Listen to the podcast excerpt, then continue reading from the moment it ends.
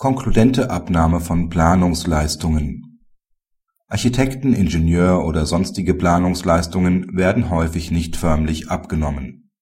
Der BgH hat nun entschieden, dass eine konkludente Abnahme darin liegen kann, dass der Auftraggeber in das nahezu fertiggestellte Bauwerk einzieht, die Rechnung des Planers bezahlt und mehrere Monate lang keine Mängel rügt.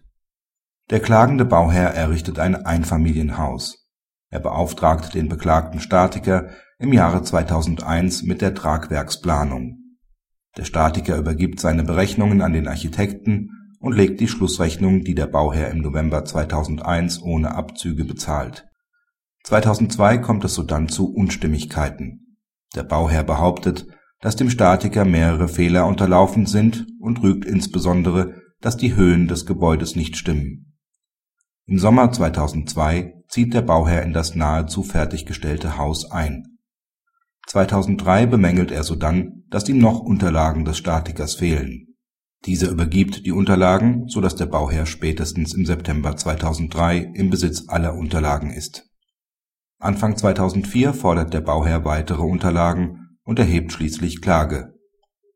Der BgH entscheidet, dass die Leistungen des Statikers spätestens Ende Dezember 2003 konkludent abgenommen wurden indem der Bauherr die Unterlagen des Statikers entgegennahm und innerhalb einer angemessenen Prüffrist keine Rügen vorbrachte, konnte der Statiker davon ausgehen, dass der Bauherr seine Leistungen als im Wesentlichen vertragsgerecht billigt.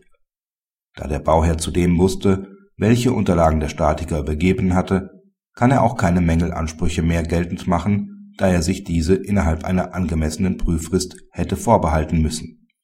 Praxishinweis die Entscheidung des BgH zeigt, wie wichtig es ist, dass auch Planungsleistungen förmlich abgenommen werden, um Klarheit über die gegenseitigen Rechte und Pflichten sowie insbesondere den Beginn der Gewährleistungsfrist zu haben.